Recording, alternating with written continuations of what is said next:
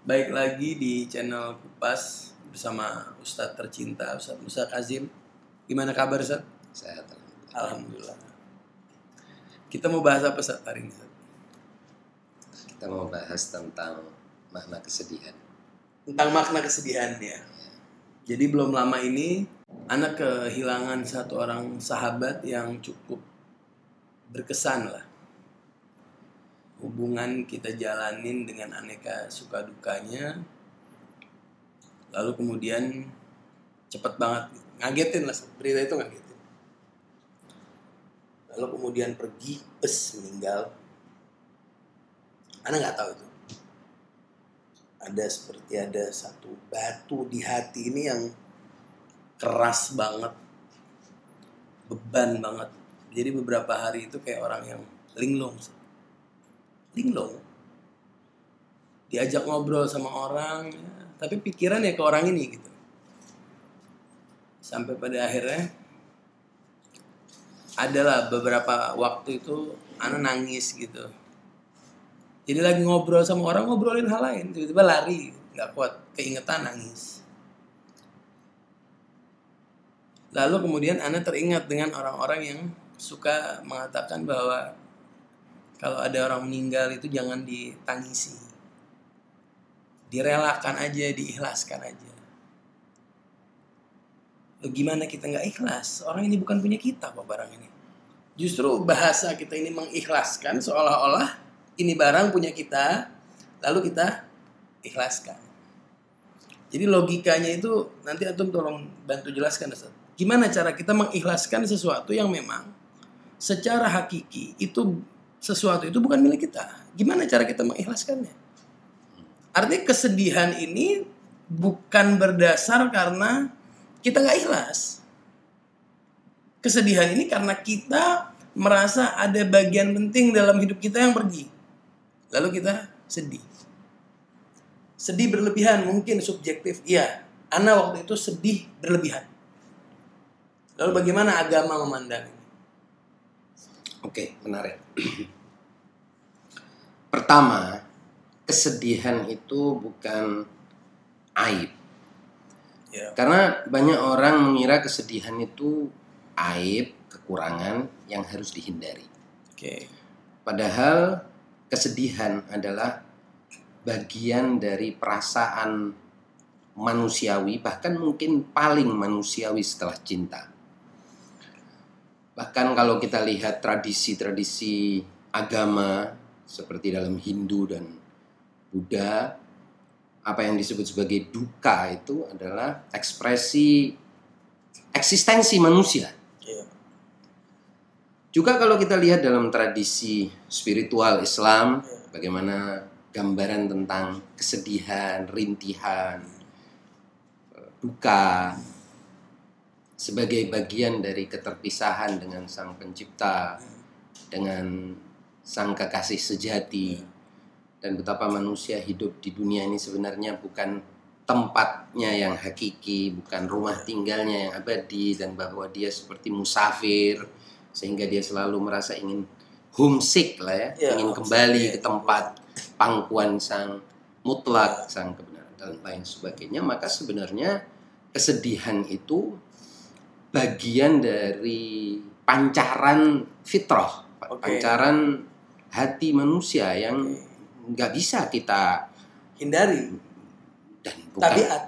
itu dan bukan sesuatu yang aib Iya, untuk iya, kita iya, ekspresikan. Iya, iya, iya, iya, iya. Ah, bahkan lebih daripada itu, manusia yang bisa bersedih itulah manusia yang hakiki Iya.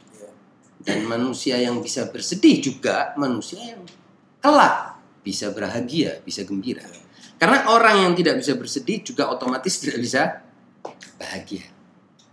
Karena dia tidak me- mencun in ya atau tune up perasaan. Hmm. Kalau perasaannya tidak dicun up dengan kesedihan, dengan kegembiraan, kesenangan, kesedihan, kesenangan, kesedihan, perasaannya dia, hati dia itu menjadi kebal, bebal. Iya, iya. Ya, tidak peka. Tapi sebaliknya kalau dia tune up, dia bersihin hatinya dengan kesedihan dan lain sebagainya. Dan maka itu ada eh, buku yang kebetulan juga anak sedang apa anak punya naskahnya tapi belum terpublikasi tentang air mata betapa air Iya. mata itu adalah bagian yang tidak terpisahkan dari kehidupan manusia dari mulai manusia lahir sampai manusia wafat selalu yang mengiringinya adalah air matanya Iya, iya. ya kan? Air mata nangis. lahir dianya yang nangis kemudian ketika wafat Orangnya. orang sekitarnya yang nangis itu kan artinya memang air mata itu adalah unsur fundamental dan Iya, dari kehidupan. dari kehidupan Awal dan akhir. awal dan akhir Awal dan dan akhir. otomatis di tengah-tengah itu juga air mata ini Banyak. banyak mengiringi Iya. kehidupan kita Betul, betul. Arti gini, arti manusia itu ketika di reset level sedihnya itu tuh lebih tinggi daripada level girangnya. Hmm.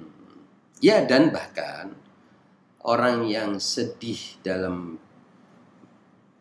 suasana yang sadar apa yang dia sedihin ya atau dia objek kesedihannya itu adalah sesuatu yang berharga mulia dan lain sebagainya di dalamnya itu sendiri mengandung kebahagiaan yang dalamnya sendiri. tidak bisa diukur dengan kesenangan-kesenangan akibat objek-objek rendah. Iya. Contoh tadi kita bicara tentang sahabat. Oke. Orang yang sedih karena kehilangan sahabat, ini kan sempat kita bicarakan di teleponnya. Hmm. Kesedihan akibat kehilangan sahabat itu ekspresi yang mulia dan ekspresi bahwa kita ini sebagai manusia ini memiliki sekian banyak eh, nilai yang nggak bisa kita kita buang bukan buk- eh, bukan justru kita buang harusnya kita rawat itu Iya, betul. gitu. Bila perlu kita bikin, ma- maka itu sebagian orang yang mulia akan kita rayakan, Akan kita kita peringatkan. peringati Iya, ya kita- kita kesedihan peringati tentangnya kesedihan iya. baik dalam haul itu tahun setahun Tahun, sekali iya, atau setahun. kalau memang dia sangat dekat dengan kita mungkin setiap hari Tiap hari, betul. and betul, it's betul, not betul. a problem gitu. iya, iya. bukan sesuatu yang buruk Oke, oke, oke. bukan sesuatu yang buruk bahkan itu Iya. eh, mengasah Eh, perasaan ya dan kepekaan hati kita sedemikian sehingga kita itu bisa meraih kebahagiaan yang jauh lebih tinggi. Nah, juga kalau kita lihat dalam literatur agama, eh, Allah Subhanahu wa taala juga menunjukkan betapa dalam kesedihan, dalam kesulitan, dalam duka, itu manusia lebih cepat berhubungan dengan alam-alam yang lebih tinggi, berhubungan dengan Allah, berhubungan dengan zat suci, berhubungan dengan wali-wali Allah, itu dalam posisi dia Sedih. duka, Atau dalam makna tafakur pun dalam kondisi duka itu lebih lebih cepat Iya. dan lebih terbuka peluangnya. Iya. Karena kalau senang, um- umumnya orang itu kan senang itu kan outward looking istilahnya. Dia akan melihat yang di luar kalau senang. Oke, oke. Tapi kalau dia sedih dia kan inward looking. Dia langsung Iya, iya. kemudian akan menyendiri khalwat pada saat itu dia akan menemukan dirinya dan yang sempat kita bicarakan ya berkomunikasi dengan dirinya Iya. wah di situ dia akan menemukan mutiara-mutiara yang tidak pernah bisa dia temukan kalau dia cuma ngelihat yang di luar Iya. dan itu biasanya kalau dia senang Gitu. Oke. Begini Ustaz, ada narasi agama. Anak kurang tahu ini narasi agama atau eh, narasi falsafah atau tasawuf Anda nggak ngerti. Ada yang mengatakan bahwa orang itu pada level kesadaran yang cukup mapan, dia udah nggak bisa lagi berduka, Eh, dia sudah tidak bisa lagi merasakan derita, dan dia juga sudah tidak bisa lagi merasakan bahagia Hmm. artinya flat dia melihat dunia ini seolah-olah semuanya jelas Hmm. sehingga nggak ada satupun hal-hal di dunia ini yang mampu mengikat dia Hmm.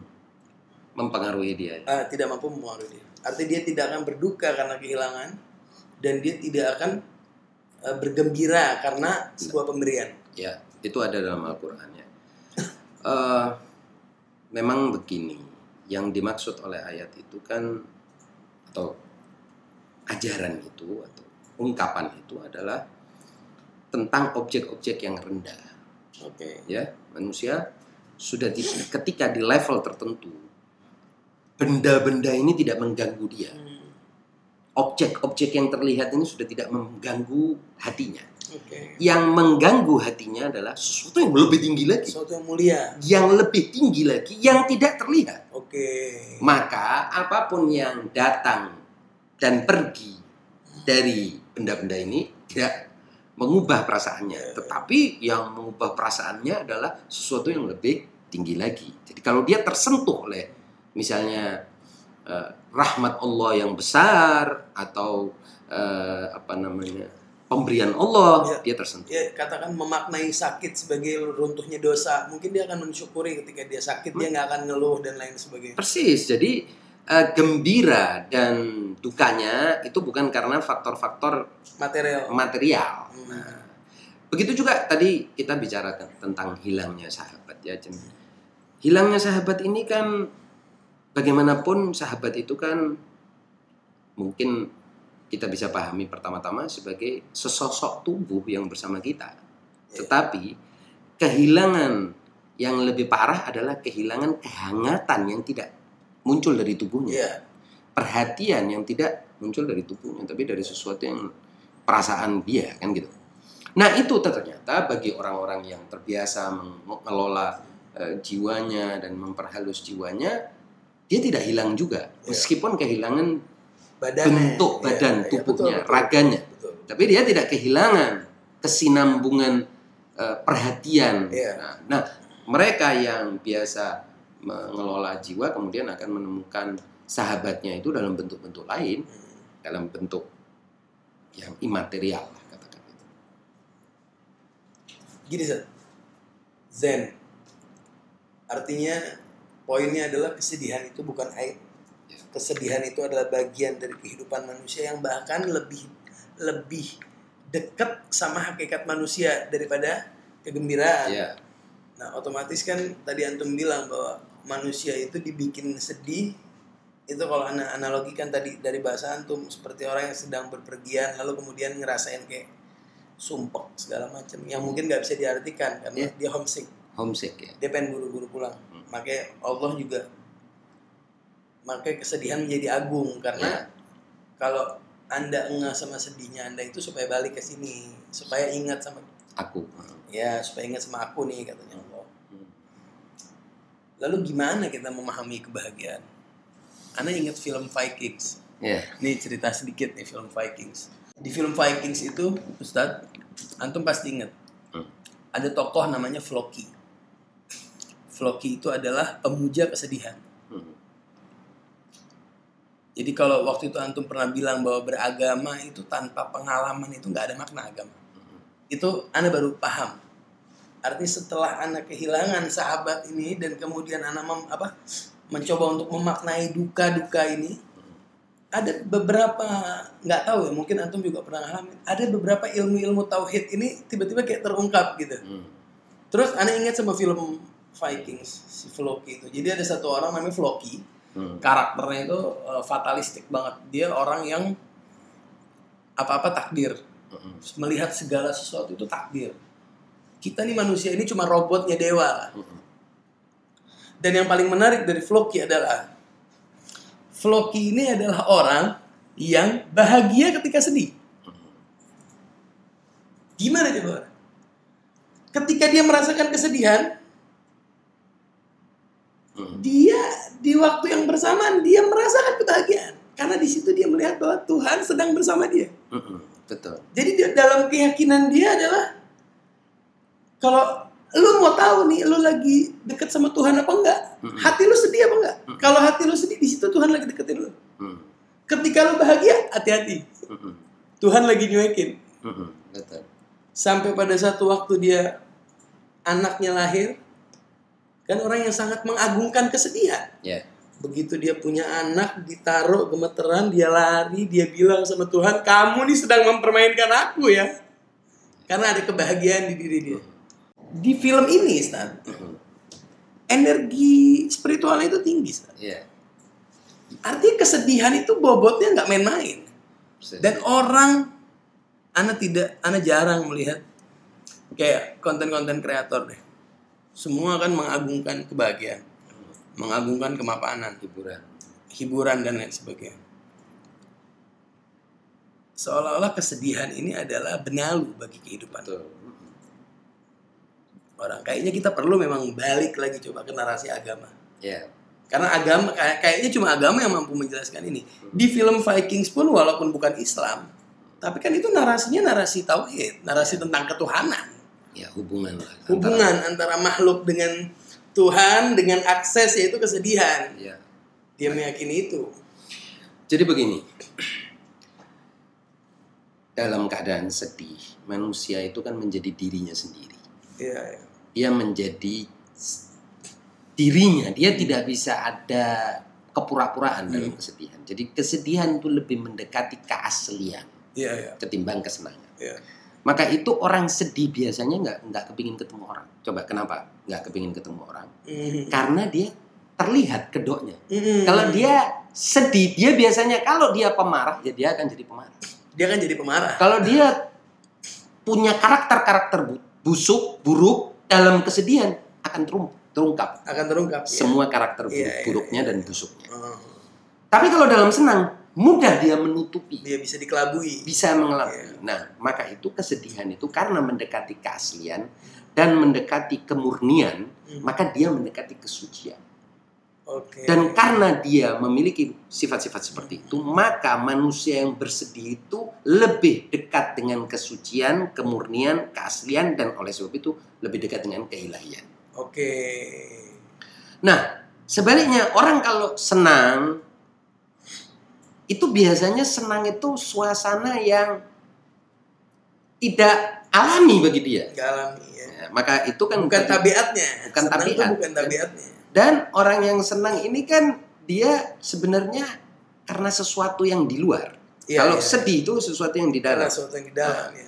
Kecuali dia mampu mengkonversi ya, menjadikan, mengalihkan kesenangan dia yang akibat objek dari luar menjadi sesuatu yang timbulnya dari dalam. Itu berarti syukur. Itu tema lain. Jadi itu kesenangan yang sifatnya eh, sesuatu yang lebih hakiki dari dalam, Oke. subjektif ya. Karena karena karena me- mewujudkan syukur. Ya, mewujudkan syukur kepada Oh, zat itu kan, zat. bukan karena sesuatu yang Bukan benda yang karena suatu nah, benda yang. Sebaliknya, umumnya kesenangan itu karena efek dari sesuatu yang di depannya, apakah suasana, ataukah makanan, ataukah benda, barang, saldo dan lain sebagainya. Hmm. Itu hal-hal yang ada di luar itu nggak hakiki. Hmm. Tapi kalau sedih itu perasaan yang hakiki. Ya. Nah, jadi dengan demikian sedih itu lebih asli ketimbang Gembira. ya kan? Satu itu kesimpulannya. Ya, ya, ya. Yang kedua, dalam hubungan manusia dengan Tuhan, gembira pun dalam keadaan gembira pun harus terselip di dalamnya kesedihan. Karena kes- kesedihan itu yang lebih dekat dengan kekhusyuan yang disebut Iya, dengan iya, kekhusyuan, iya. ketenangan. Ya, ya, ya. Coba orang kalau lagi sedih kan tiba-tiba dia akan mundur, retreat dari keramaian, kemudian dia akan menyendiri, dia akan bersama sang penciptanya, dia akan menjadi dirinya karena dia malu. Kalau sedih kan dia akan malu kelihatan wajah hakikinya atau eh, jati dirinya dia. Nah, maka dia akan mengurung diri, retreat dan mencoba untuk menggali dari dalam apa yang bisa membuat atau menjadikan dia tidak sedih. Nah, yang ketiga, yang tidak kalah menariknya. Kesedihan itu jauh lebih menusuk. Jadi lebih dalam efeknya ke dalam perasaan. Jadi perasaan yang lebih dalam itu sedih ketimbang senang. Hmm. Maka itu Anda kalau lihat ini kalau kita ketemu sama orang-orang sukses, Hmm. setelah dia sukses, umumnya yang dia ceritain adalah masa-masa Masa-masa sedih. masa-masa dia susah. Masa-masa dia susah. Karena itu yang dia ingat. Iya, iya. Kalau iya. masa-masa dia sudah senang itu dia seperti ngalir nggak jelas. Iya, iya, iya. Tidak masuk, tidak, masuk. impress Iya, iya, di dalam betul, dirinya. betul, betul. Itu, itu hampir semua orang ya. Orang-orang kaya kalau kita temuin. Coba lihat orang kaya. Dulu gue naik sepeda jualan ini ya, ya, Jualan ya. ini, Bener, bener, bener, bener. dulu gue ini oh, banyak utang, dulu Iya, Ternyata iya, iya. Perasaan sedih itu yang lebih nempel Lebih mendominasi dia punya. dan memori. nempel dan dia lebih masuk, merasuk ke dalam memori Iya, maupun iya. sukma maupun hati dia. Iya, iya. iya. Gembira nggak bisa, nggak bisa sampai merasuk-rasuk begitu. bisa. Nggak, susah. Nah, oleh sebab itu para ahli mengatakan, ahli-ahli Hmm. suluk, ahli eh, apa namanya, makrifat mengatakan, ahli hikmah juga mengatakan bahwa dalam keadaan sedih datang berbagai hikmah datang berbagai renungan, datang berbagai eh, pembukaan, inspirasi. Hmm. Tapi dalam keadaan gembira, susah itu semua datang. Nah, Ya. oleh sebab itu mereka tentunya berbeda pendapat dengan sebagian orang yang mengatakan belajar itu harus dalam keadaan senang. Karena belajar mungkin ya cuma di otak ya, Eh, memori yang sifatnya Ya, cuma di cerebral Iya. ya. Tapi kalau mau belajar hakikat, oh, Harus derita. duka ini justru jalan yang Pengalaman. pengalaman. Iya, bukan cuma sekedar tahu, tapi realize. D- Dan begini, siapa pun yang datang atau apa pun yang datang dalam duka itu akan menyambung atau terikat dengan hati orang selama-lamanya.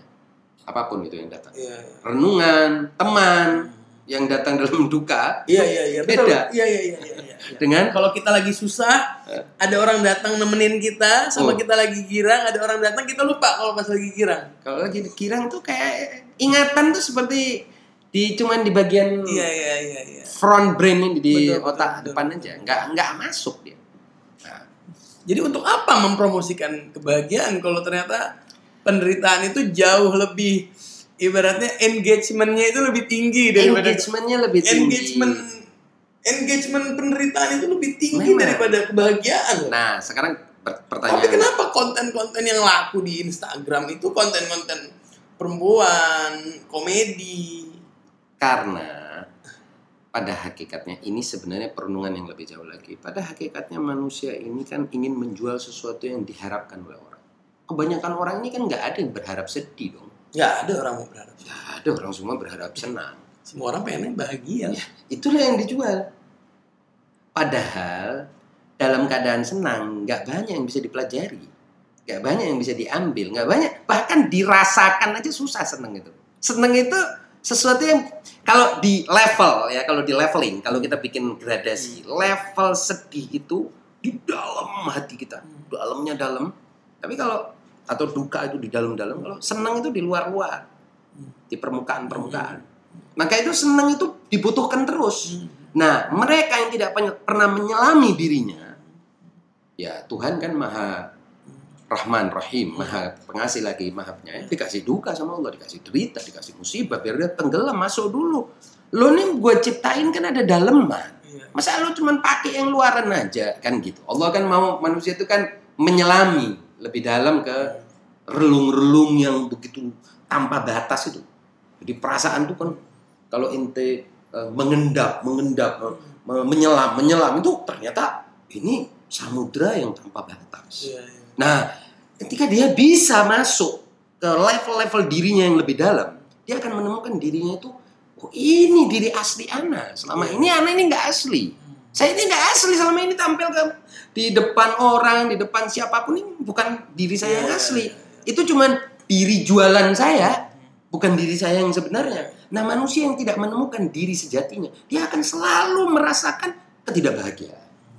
Nah, jadi setelah duka yang mendalam, derita yang mendalam, atau kesedihan yang mendalam, didapatlah kesenangan yang lebih dalam Iya, iya. dan kegembiraan yang lebih, lebih dalam. Dan begitu seterusnya. Jadi hanya dengan duka kita menyelami yang lebih dalam lagi. Jadi kayak ditusuk ke dalam oleh duka, dek, turun apa, kesadaran kita makin menyelam, kemudian kita akan merasakan kebahagiaan lebih dalam. Iya, enggak. Dan begitu seterusnya. Even kebahagiaan pun aja Mm-mm. Yang bernilai adalah kebahagiaan yang di dalam derita loh. Iya dan Dalam kesulitan, Setelah. Ah. tiba-tiba kita misalkan menemukan jalan keluar karena ditolong orang, ada kebahagiaan kan kecil tuh. Ah, ah. Kebahagiaannya kecil ada di dalam kubangan penderitaan. Eh, eh. Kebahagiaan itu jadi punya arti. dan setelah level perasaan kita makin mendalam, gitu. Karena perasaan ini kan ber, ber- Iya, iya.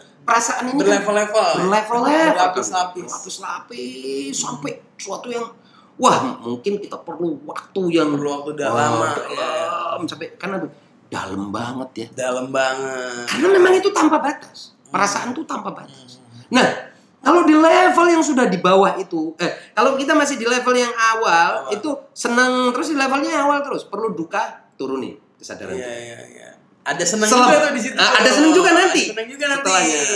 Karena kan kita, kita, sudah Ah. pernah bilang bahwa segala sesuatu itu sebetulnya ber- berdamping-dampingan ya antara Iya, suka dan duka itu berdampingan. Tapi Anda tidak akan pernah mendapatkan kesenangan di level yang lebih dalam kecuali dengan duka. Jadi Iya. duka yang me- merendahkan itu, Men- Ah, bukan iya. merendahkan, menyelamkan, apa? Menyelamkan. menenggelamkan Anda ke, ke level perasaan yang Ke lebih dalam. Terus yang lebih dalam. duka lagi, duka, lagi, duka, lagi. Berarti kesimpulannya adalah orang-orang yang ahli dalam berkarya seperti kalau mungkin kalau di Islam Ibnu Sina. Ibnu Rushd, Surawardi, Ibn Arabi, Ibnu Arabi, terus kalau misalkan di barat ada seperti Tolkien, ada Shakespeare, Shakespeare, yang baru deh Vince Gilligan. eh, Bisa nggak kita asumsikan mereka adalah orang-orang yang pandai memaknai derita? pasti Karena karya-karya mereka itu kan ekspresi dalam banget. kita pasti kalau nonton karya-karya orang-orang ini atau baca-baca buku karya orang-orang ini Hmm. gila dalam banget ya. Dari dalam. Itu makanya. Ini orang kayak ngerti banget kehidupan kita gitu, padahal nggak bukan siapa-siapa kan, Iya. dan nggak hidup di Indonesia juga, tapi kayak ngerti banget manusia. Ya, karena itu tadi dia sudah mengalami eh, penyelaman ke wilayah perasaan yang dalam, Hmm. Sehingga di sana dia menemukan sesuatu yang bukan cuma superficial istilahnya, Hmm. bukan di halaman luar manusia ini. Halaman luar manusia ini kan suka basa-basi. Sebenarnya kan ini cuman ya Iya iya. apa ya? Ini cuman kata-kata kosong, Iya iya. ya kan? Kan sebenarnya nikmat di dalam itu jauh lebih agung, jauh lebih impresif ketimbang nikmat yang di luar ini. Nah, apa pun itu sebetulnya seperti itu. Nah, yang bisa men mendalami itu tadi apa men- mendorong manusia untuk ke dalam ya duka. Iya iya. iya. Makanya eh, di dalam hadis disebutkan bahwa idza ahabballahu 'abdan ibtalah kalau Allah menyukai atau mencintai seorang hamba Allah akan menguji dia, memberi bala dia, memberi musibah dia supaya apa? Dia masuk lagi ke dalam, Hmm. mendalami lagi, mendalami lagi. Dan ternyata ini kedalamannya nggak ada batas gitu. Oke. Artinya Makanya- artinya kesedihan berlebihan itu apa bahasa? Jangan sedih berlebihan. Oke. Nah, jadi kan sebenarnya tadi ini kan awal diskusi dia. Jangan sedih berlebihan itu sebenarnya ungkapan untuk menurut saya ya, itu ungkapan untuk mengatakan jangan tidak mendapat jangan sampai tidak ada hikmahnya. Oke. Jangan sampai tidak dapat makna, dari makna kesedihan. dari kesedihan ini. Tapi kalau kesedihan itu memberi makna, Lanjutkan. lanjutkan. Oke. Kenapa tidak? Iya iya iya. Karena pada akhirnya lu- lu per- perlu memaknai hidup ini dan hidup ini bukan gratisan terus tanpa mana. Lu Iya. perlu di situ ketika kamu dapatkan mutiara-mutiara yang dari dalam itu tadi, itulah hidup itu bermakna. Iya. Itulah gunanya umur ini. Ini kayak agak-agak mirip sama konten dulu. Anda pernah bikin konten kayak gini, San? Eh, micro podcast. Jadi kayak ngomong sendiri gitu. Jadi isinya kayak gini kayak ada orang nanya ke Ana nanya cara mengobati sakit hati gimana sih? Terus Ana bilang sakit hati itu jangan buru-buru diobatin. Ya, Ikutin dulu. Ini sakit hatinya bakal ngebawa ke mana? betul. Kalau ngebawa ke tempat yang bagus, ya biarin aja. Kalau ngebawa ke tempat yang buruk, baru diobatin. betul. Karena yang menggerakkan eh, seseorang seperti Bunda Teresa dari Roma ke India Hmm. itu karena rasa sakit hati melihat eh, kemanusiaan yang dijajah kayak begitu kan, Betul. kemanusiaan yang tertindas melihat manusia yang kesulitan dia sakit hati, Mm-mm. ini membawa dia pada sebuah pengorbanan diri untuk menolong manusia, revolusi-revolusi yang terjadi di dunia, perubahan-perubahan besar karena adanya orang-orang yang sakit hati melihat ketidakadilan. Artinya sakit hati itu nggak selamanya buruk. Bukan nggak selamanya buruk. Eh, mungkin kalau istilah sakit hati eh, perlu reserve ya. Itu bukan istilahnya bukan sakit hati. Derita, duka, eh, dan kemudian kesedihan Hmm. itu bukan sesuatu yang harus dihindari. Bukan sesuatu yang harus Tetapi dihindari. kita selami dan Iya. kita maknai. betul tuh. Duka itu kita maknai.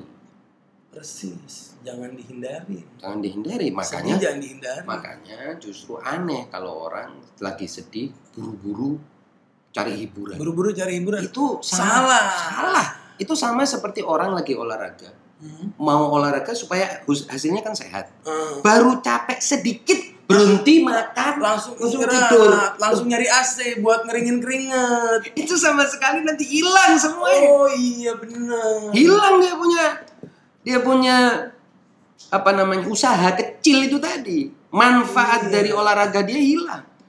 Kalau kamu lelah, eh, capek, lanjutin dikit lagi karena Tapi dengan dengan dengan kesadaran seperti ini Ustadz, Mhm. kita akan mensyukuri setiap kesedihan loh Ustadz. persis dan itulah Yang mengapa. artinya kebahagiaan malah. Lah, nah itulah manusia itu harusnya begitu.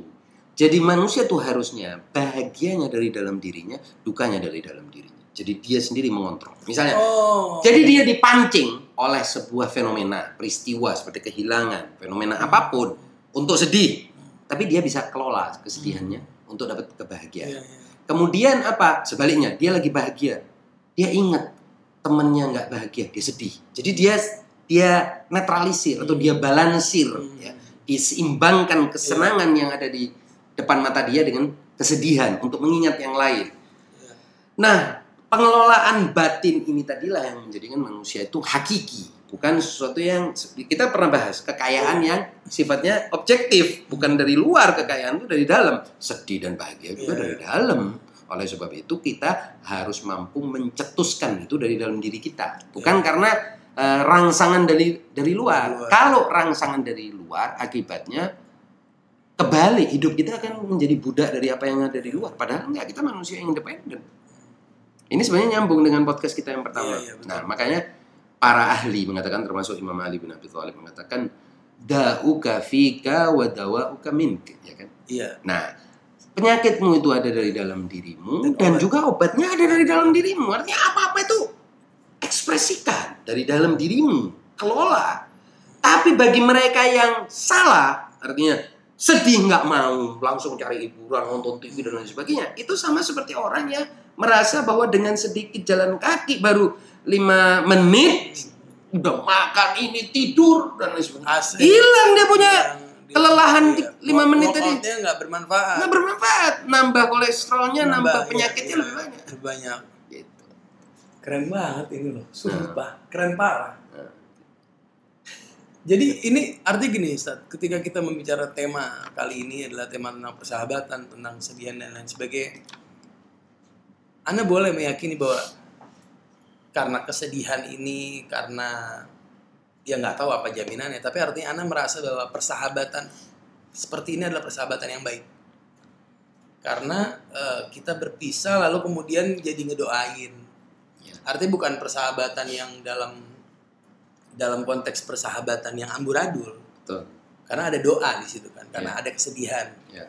Nah, mungkin next kita bakal membahas tentang persahabatan yang perlu dikritisi lah. Kalau kita nggak mau bilang itu persahabatan yang buruk, tapi Hmm. persahabatan yang perlu diinterupsi, Ya. Perlu dihindari. kan perlu dihindari. Karena banyak banget orang yang eh, DM di Instagram dan minta Ana untuk membahas tentang ini, Hmm. tapi anak kira di channel Kupas dengan adanya antum itu pasir tidak boleh membatalkan air, Ustaz. kalau mau wudhu. Jadi kalau ada air itu orang nggak boleh tayamum. Jadi minggu depan kemungkinan kita akan bahas tentang eh, persahabatan yang perlu dihindari atau tentang seputar persahabatan. Soalnya tadi obrolan kita yang tadi itu Hmm. itu keren banget sih. Hmm. Sampai itu keren banget. Coba closing sedikit aja, Kita sedikit. kita, kita rahasiain tapi. kita kita rahasia enggak Kita closing aja tentang kesedihan jadi orang yang mampu bersedih dialah yang mampu bahagia orang yang tidak mampu bersedih dia tidak akan pernah merasakan kebahagiaan hakiki tidak mungkin gitu. Tuh, ingetin ya. Orang baru bisa bahagia kalau dia mampu sedih. Kalau dia nggak bisa sedih, dia nggak akan pernah bisa bahagia. Assalamualaikum warahmatullahi wabarakatuh.